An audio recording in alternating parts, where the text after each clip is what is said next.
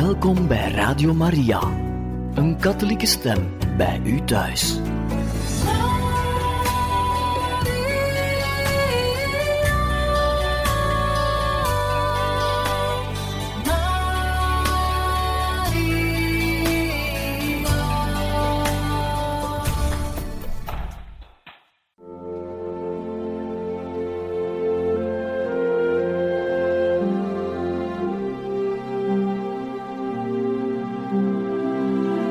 Beste luisteraars van Radio Maria, welkom bij het programma Catechismus. Een overweging bij de geloofschat van de kerk.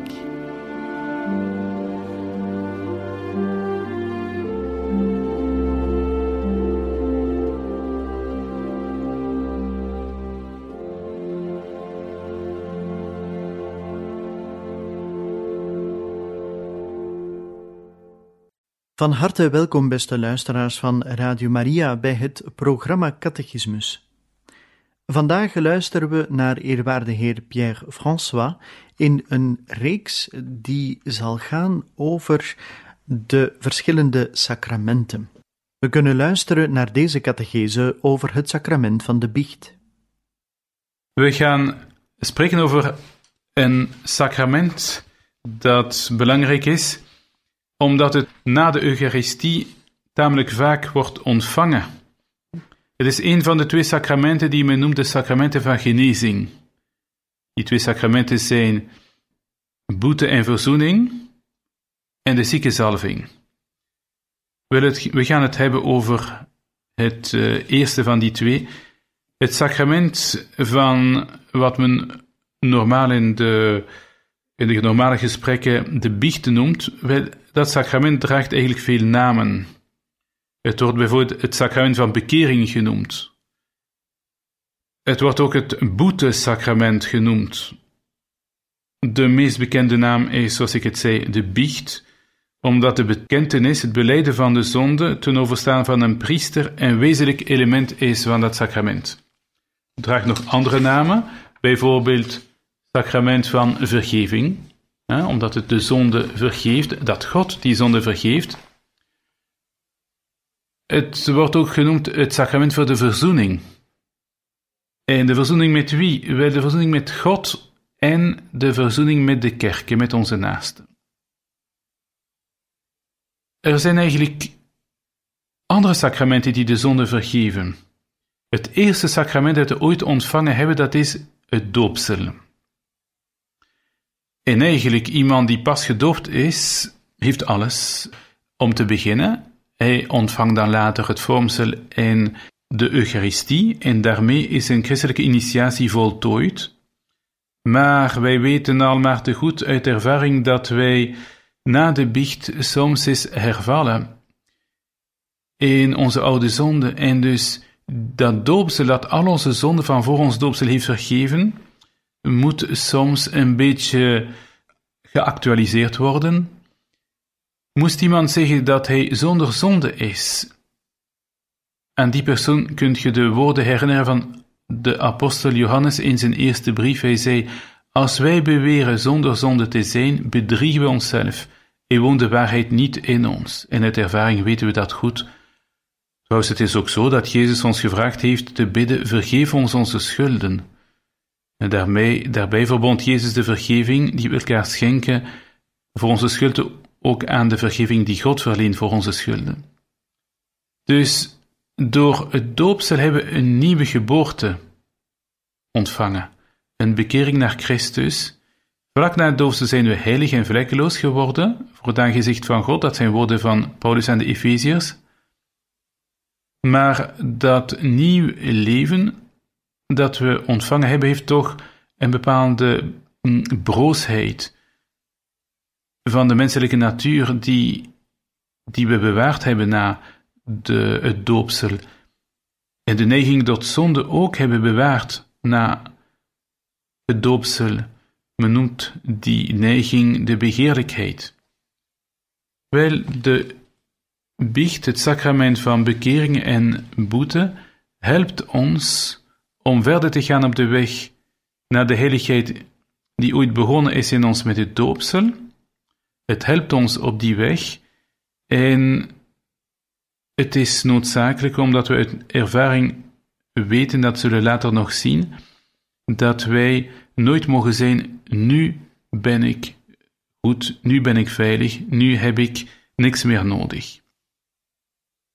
De bekering van de gedoopte. Eigenlijk dat is een goede manier om uit te leggen waarover de biecht gaat. Jezus roept op tot bekering, constant. En dat is een wezenlijk onderdeel van de aankondiging van het Rijk Gods. Herinnert u nog dat Jezus, toen hij zijn prediking begon op de wegen van Palestina, toen zei hij, en liet ook zeggen door zijn leerlingen, dat de mensen zich moesten bekeren. De tijd is vervuld, lezen wij in het Evangelie van Marcus, en het Rijk Gods is nabij. Bekeert u en gelooft in de blijde boodschap. Wel, die oproep tot bekering blijft actueel. We zouden kunnen zeggen dat de oproep tot bekering, die blijft weerklinken in het leven van de christenen, een soort tweede bekering is. En dat is een ononderbroken opgave voor heel de kerk. Want de kerk is er zich van bewust dat zij zondaars in haar schoot omvangt. Omvat.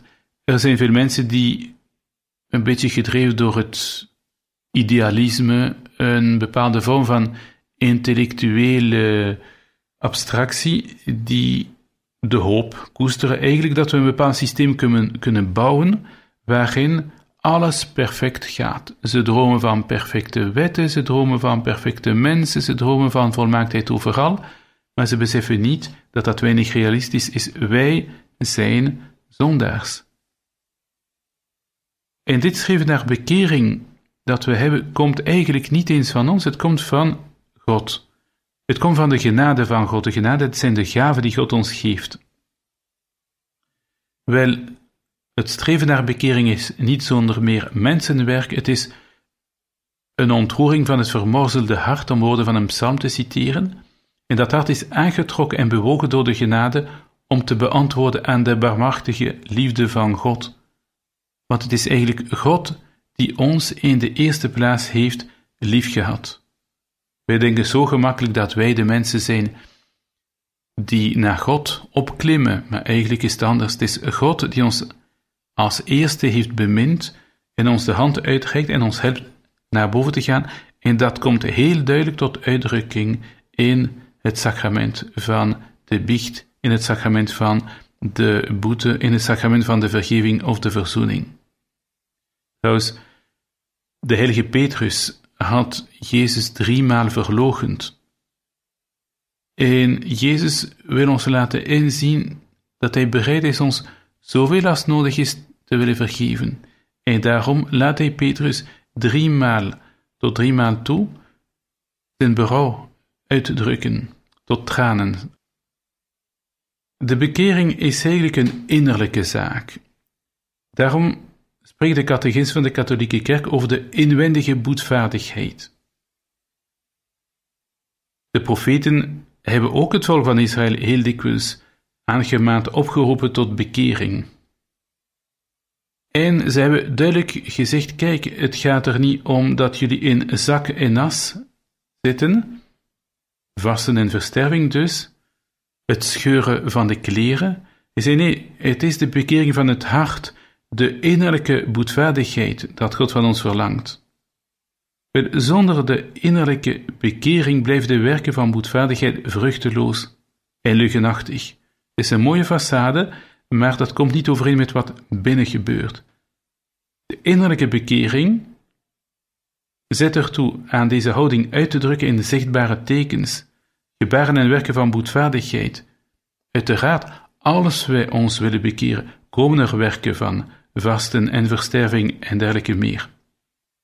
Ik zou graag een anekdootje willen vertellen over de pastoor van Ars.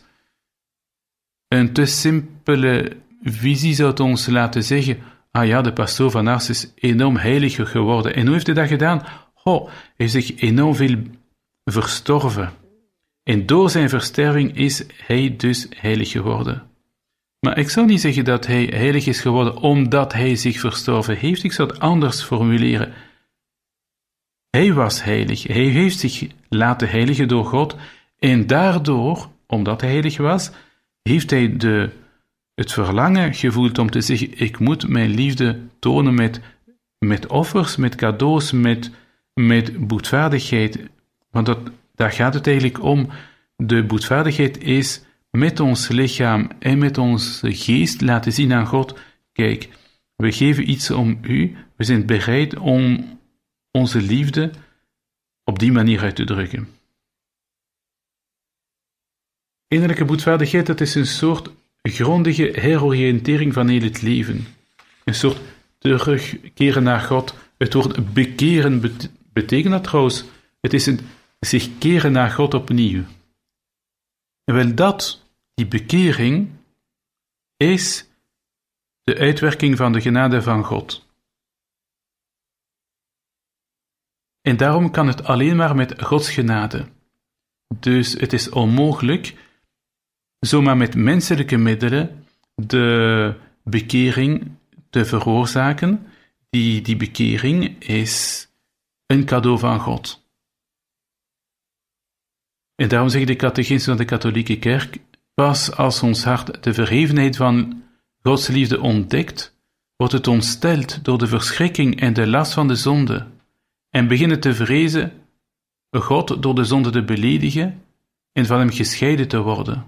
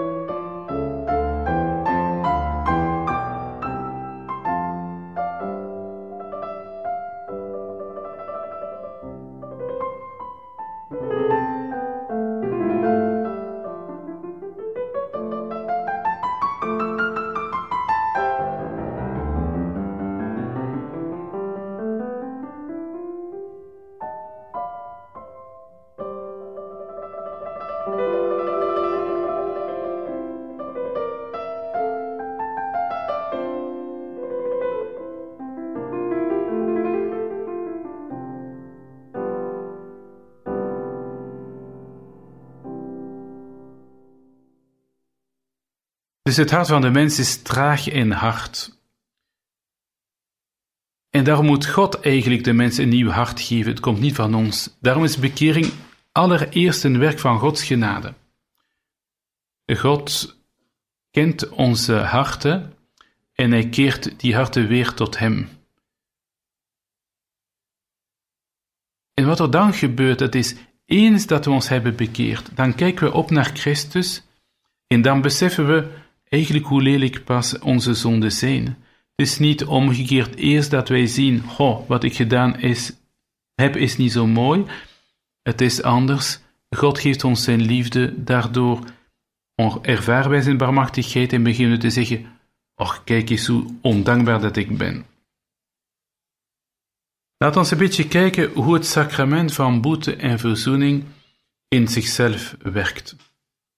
Het is van kapitaal belang allereerst dat wij begrijpen dat een zonde een belediging is van God.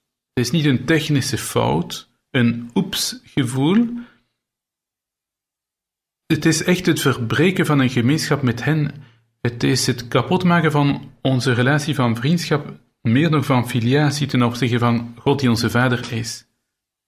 En was dat al niet erg genoeg? De zonde tast bovendien nog de gemeenschap met de kerk aan. Waarom is de kerk innerlijk verscheurd? Wel, om een lang antwoord kort te maken, omdat wij ons in de eerste plaats van de liefde tot God hebben afgescheiden, omdat wij eigenlijk zondigen. En daarom maken we niet alleen maar de relatie tussen ons en God kapot, maar ook binnen de kerk. Willen we dat de kerk beter werkt, dan moeten we heiliger zijn, zo simpel is dat. Het is goed te beseffen dat God alleen de zonde vergeeft. Wij hebben soms de neiging, zeker als we een beetje perfectionistisch zijn, om te denken: ik moet mijn zonde goed maken. Als iemand die te laat naar het station vertrekt en is bang dat hij zijn trein gaat missen, dan begint hij harder te fietsen of sneller te lopen en hij heeft zo een soort gevoel van: ik ben slecht begonnen, maar ik kan het goed maken. Wel eigenlijk, eens dat een zonde gebeurd is, is de zonde gebeurd. En goed te maken kunnen we het niet meer. We kunnen alleen maar zeggen: God, er is inderdaad zonde geweest. Gij alleen kunt mij vergeven. En dat is ook wat de schrift overal zegt. Jezus is de Zoon van God en daarom kan Hij alleen de zonde vergeven heeft het ook gezegd in het evangelie van Marcus, dat hij de macht heeft op aarde zonder te vergeven. En hij oefent ook die macht uit. Uw zonden zijn u vergeven, zegt hij. Meer nog, heeft zelfs de macht of de volmacht om die macht om zonde te vergeven door te geven aan mensen. En dat is wat hij gedaan heeft met de kerk. De kerk deelt in die macht van Christus om zonde te kunnen vergeven. En dat heeft hij concreet gezien aan het apostolisch ambt toevertrouwd. De apostelen kregen de macht om zonde te vergeven. Daar gaan we later nog over terugkomen. Nu heb ik gezegd dat de zonden door God zijn vergeven, maar door het feit dat de vergeving van zonde zo innig verbonden is met het ambt van de priesters, van de bisschoppen, van het apostelschap, om het zo te zeggen, is het ook logisch dat die gemeenschappelijke dimensie van de zonde ook onderstreept worden. Wanneer een zondaar met God verzoend is, wordt hij ook verzoend met de kerk. En daarom zegt de catechismus van de katholieke kerk, wanneer de Heer de apostelen laat delen in zijn macht om zonde te vergeven, geeft, geeft hij uh, ook het gezag om de zondaars met de kerk te verzoenen. Dat is niets anders dan de kerkelijke dimensie van de taak van degene die zonde moeten vergeven, de priesters. En dat wordt uitgedrukt door de plechtige woorden van Christus, die zegt tegen Simon Petrus, dat is uit het evangelie van Matthäus, ik zal u de sleutels geven van het rijk der hemelen, en wat gij zult binden op aarde zal ook in de hemel gebonden zijn, en wat gij zult ontbinden op aarde zal ook in de hemel ontbonden zijn. Tot zover de woorden van Matthäus. Staat dus vast dat de macht om te binden en te ontbinden, die aan Petrus geschonken werd, ook gegeven is aan het college van de apostelen. Ik bedoel daarmee de andere elf apostelen, want ze zijn verenigd met Petrus en ze vormen samen wat men noemt een college. Wel, de woorden binden en ontbinden, en dat zegt de kerk met gezag, dat betekent wie u uit de gemeenschap uitsluit, zal ook uit de gemeenschap met God uitgesloten worden.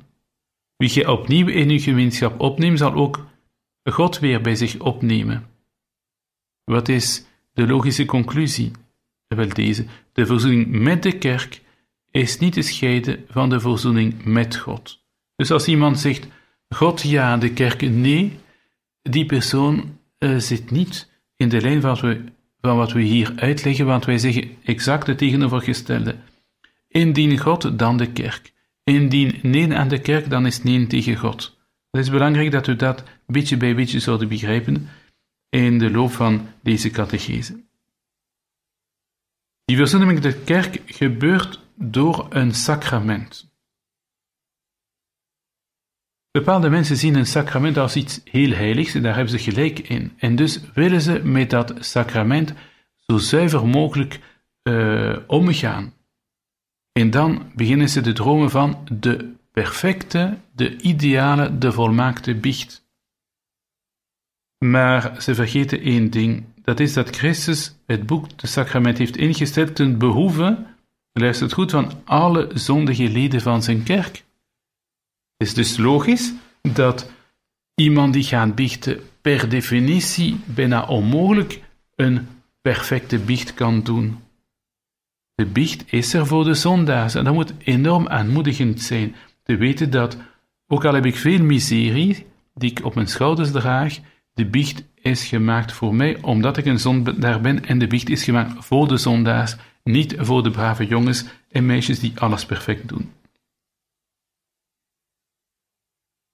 De kerkvaders hebben een heel sympathieke analogie gegeven um, in verband met de biecht en in verband met het doopsel.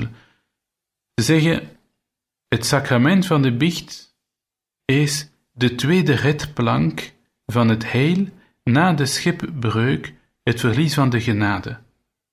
Wat bedoelen ze daarmee? Wel heel simpel. Elke zonde is een beetje schipbreuk lijden. De eerste keer dat wij met God zijn verzoend, gebeurt dat door het doopsel. Dat is onze eerste redplank.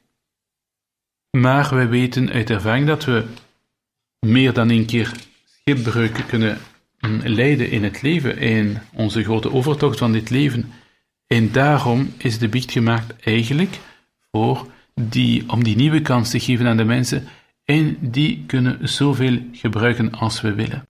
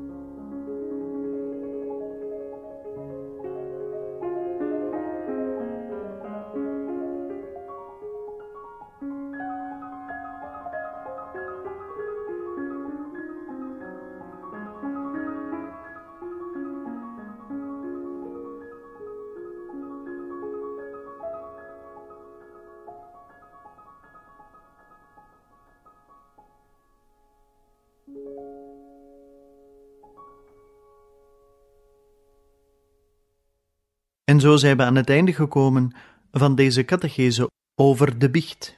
Een volgende keer staan wij opnieuw bij een catechetisch thema stil. We hopen dan ook dat u er ook opnieuw wens bij te zijn. Van harte dank en nog een zeer fijne dag gewenst.